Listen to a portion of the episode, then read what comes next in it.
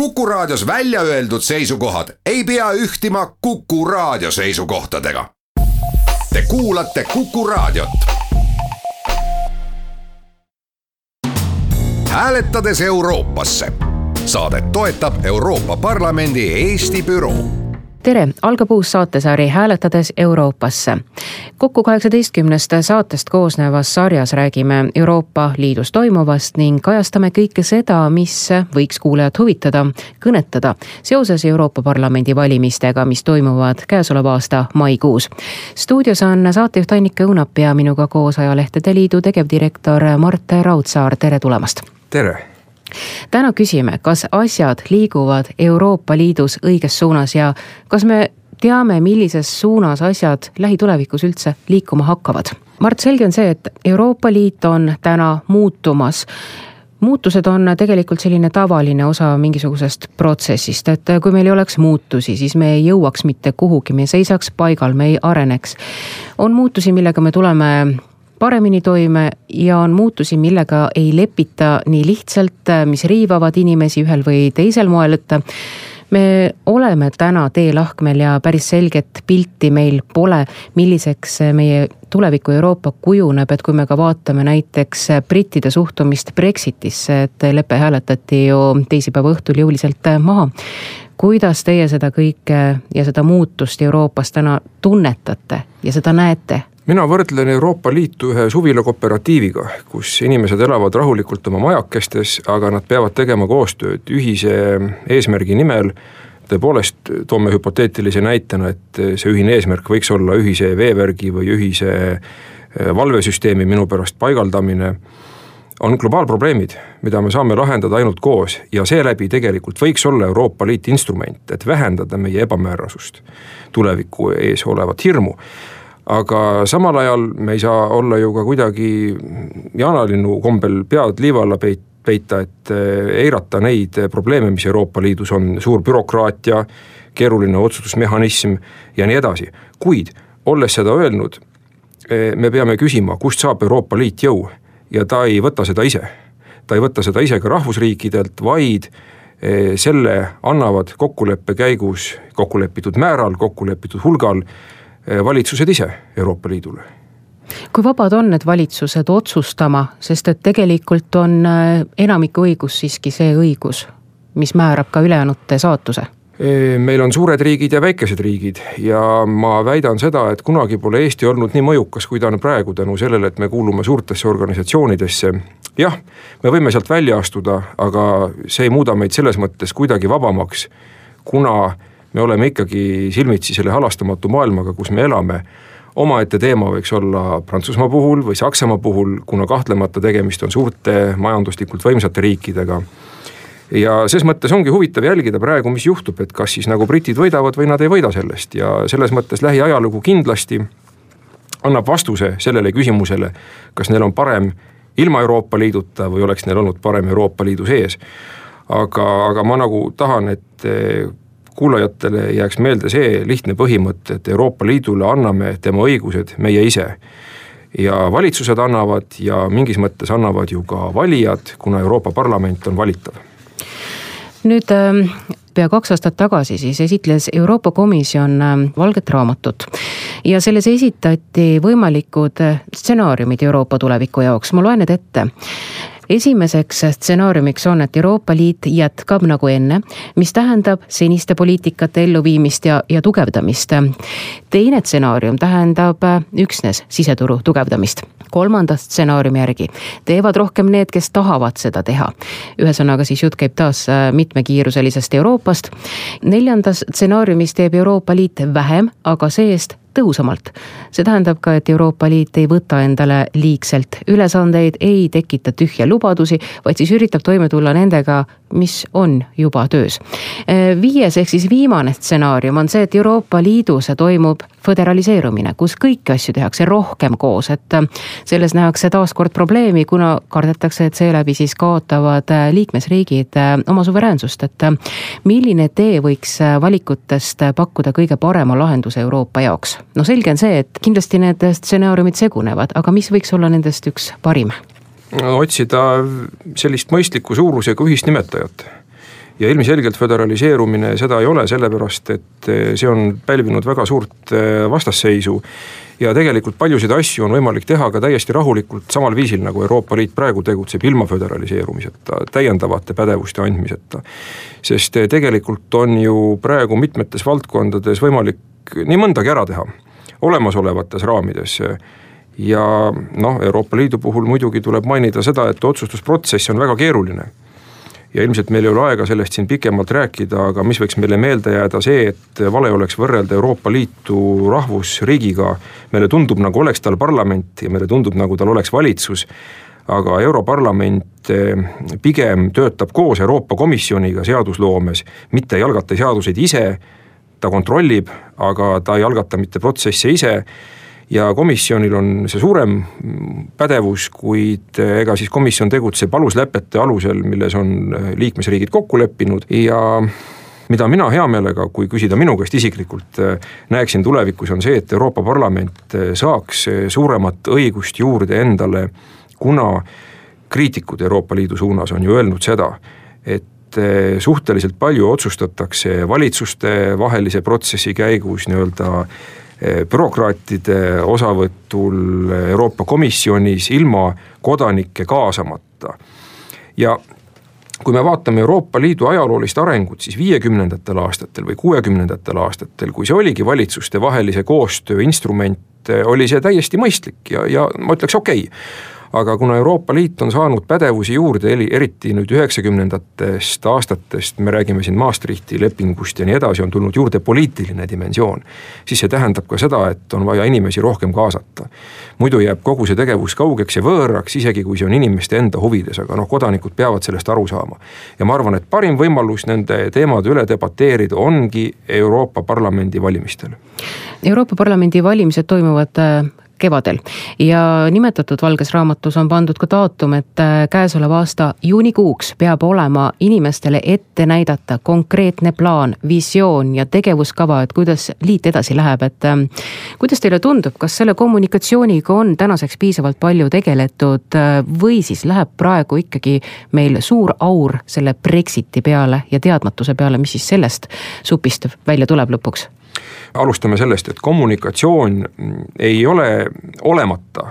Euroopa Liidul on ju küllaltki arvestatav eelarve, on olemas oma väljundid, tõlgitakse kõik materjalid rahvuskeeltesse, ka eesti keelde sealhulgas. pigem on probleem selles, et mida edastada inimestele, mis on see sõnum, et kust tuleb see sõnum.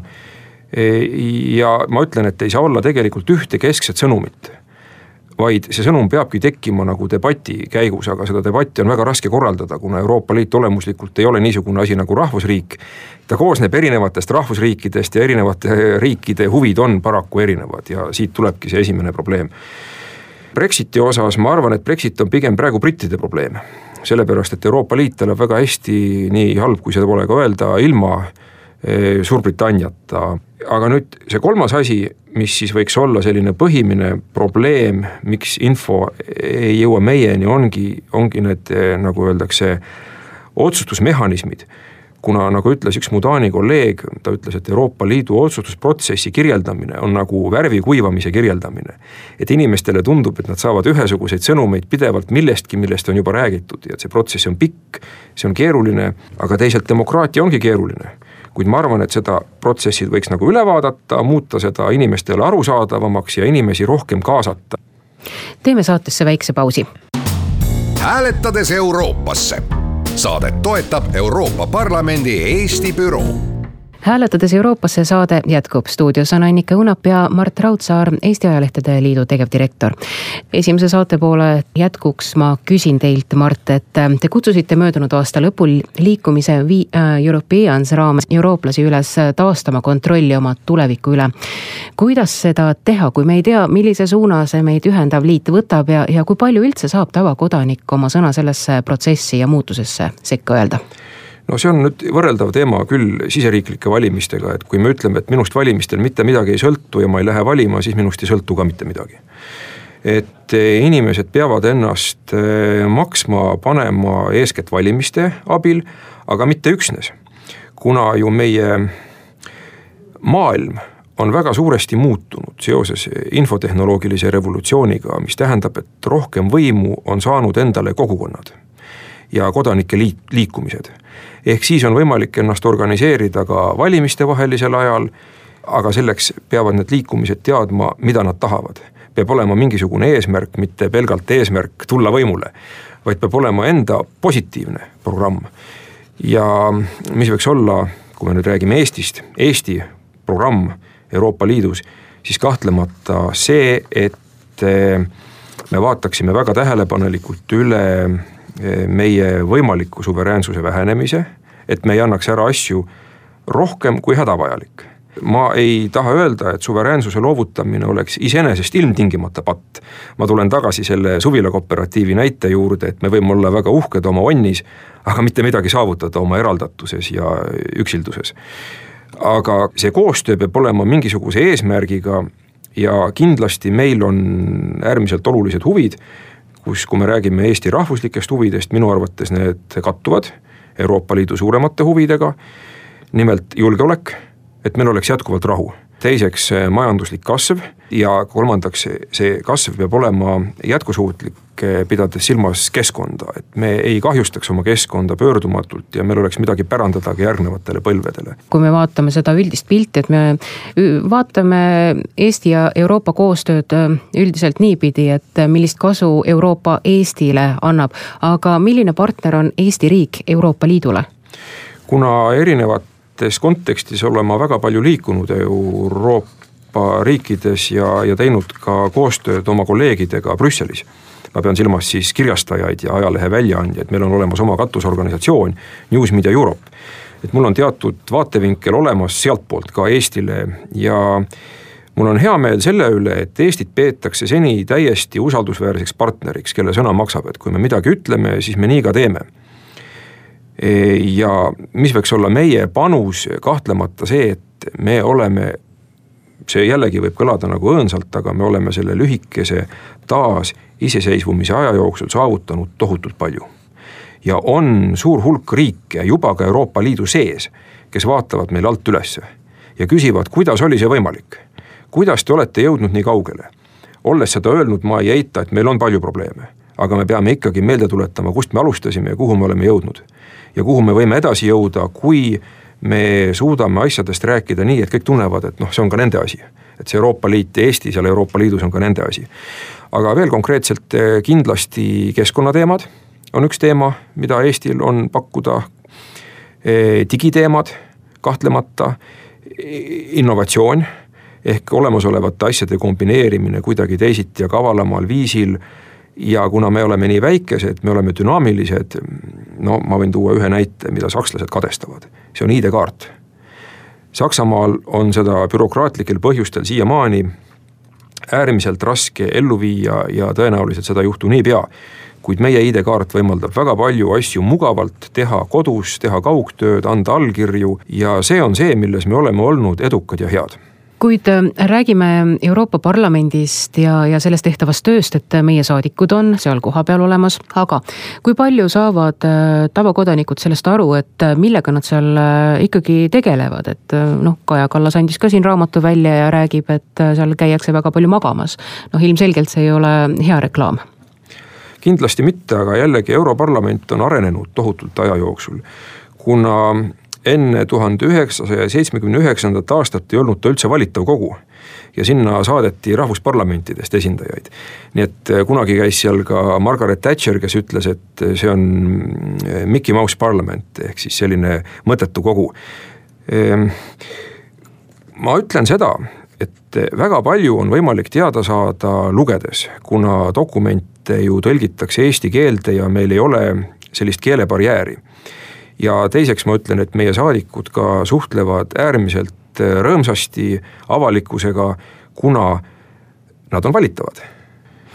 Nüüd ähm, maikuus toimuvad Euroopa Parlamendi valimised ja mida te soovitaksite neile saadikukandidaatidele, kes hakkavad oma platvormi siin Eestis selleks protsessiks ette valmistama, et ähm, millele tähelepanu pöörata, et näiteks milliste teemade poolt ähm, oleksite teie ise nõus äh, Euroopa Parlamendi valimistel oma hääle andma? ma pean alustuseks ütlema, et Europarlamendi valimised on keeruline situatsioon kandidaadi jaoks. miks? Sellepärast, et sageli tuuakse sisse siseriiklikud küsimused, kus tegelikult Euroopa Liidul puudub igasugune pädevus ja võimalus otsustada. ja need tuuakse sisse sellepärast, et jällegi teiselt poolt need Euroopa Liidu teemad tunduvad abstraktsed ja keeruliselt kirjeldatavad ja nendega ei, just nagu ei saa hääli ma arvan, et tuleks olla siiski aus valijatega ja tuleks rääkida nendest asjadest, mida on võimalik muuta olles Euroopa Liidus, mitte hüpoteetiliselt, et siis, kui seal midagi muudetakse aluslepingutes. kui palju on näiteks teie hinnangul varasemalt sedaviisi valijatega manipuleeritud? palju ikkagi varasematel, võtame kõik need varasemad Euroopa Parlamendi valimised ette, alati on sisse tulnud selliseid siseriiklikke teemasid, mis ei ole üldse Euroopa Liidu pädevus ja seega siis tuleb kõigepealt olla aus ja rääkida nendest asjadest, mida on võimalik Euroopa Liidus muuta. loomulikult peab olema sellel mingisugune tähendus meie inimeste jaoks ka. ja kui me võime küsida, et eh, mis on see asi, mida meie saadikud eh, seal ajavad, siis mina väidan, et esimene asi, mida nad seal ajavad, eh, punkt üks, julgeoleku teema. et me ei oleks kunagi isoleeritud kuna me oleme kuulnud siin juba kuulujutte sellest, et eh, Donald Trump on rääkinud võimalikust NATO-st väljatõmbumisest ja nii edasi. kui see peaks juhtuma, siis on Euroopa Liit meie järgmine parim turvalisusgarantii, vaatamata sellele, et neil ei ole ühist sõjaväge. Eh, teine teema, mille, millega meie kandidaadid võiksid loomulikult tegeleda, on majandusteema, konkurentsiteemad. kui mina ise kellegi poolt hääle annaksin, siis mina annaksin selle poolt, kes lahendaks ära Eesti põllumehe probleemi kuna on karjuv ebaõiglus see, et vanades Euroopa Liidu liikmesriikides makstakse top-up'e, makstakse suuri toetusi põllumeestele. meil on ju idees ühine ühisturg, kus kõik peavad ühiselt konkureerima, aga samas ühed saavad dotatsiooni rohkem kui teised ja see ei ole õiglane. aga suured tänud, ma loodan, et keegi selle probleemi ette ka võtab ja lahenduse see saab. hääletades Euroopasse saade tänaseks lõpetab, stuudios oli saatejuht Annika Õunap ja minuga koos siin Ajalehtede Liidu tegevdirektor Mart Raudsaar, tänan tulemast. aitäh. hääletades Euroopasse saadet toetab Euroopa Parlamendi Eesti büroo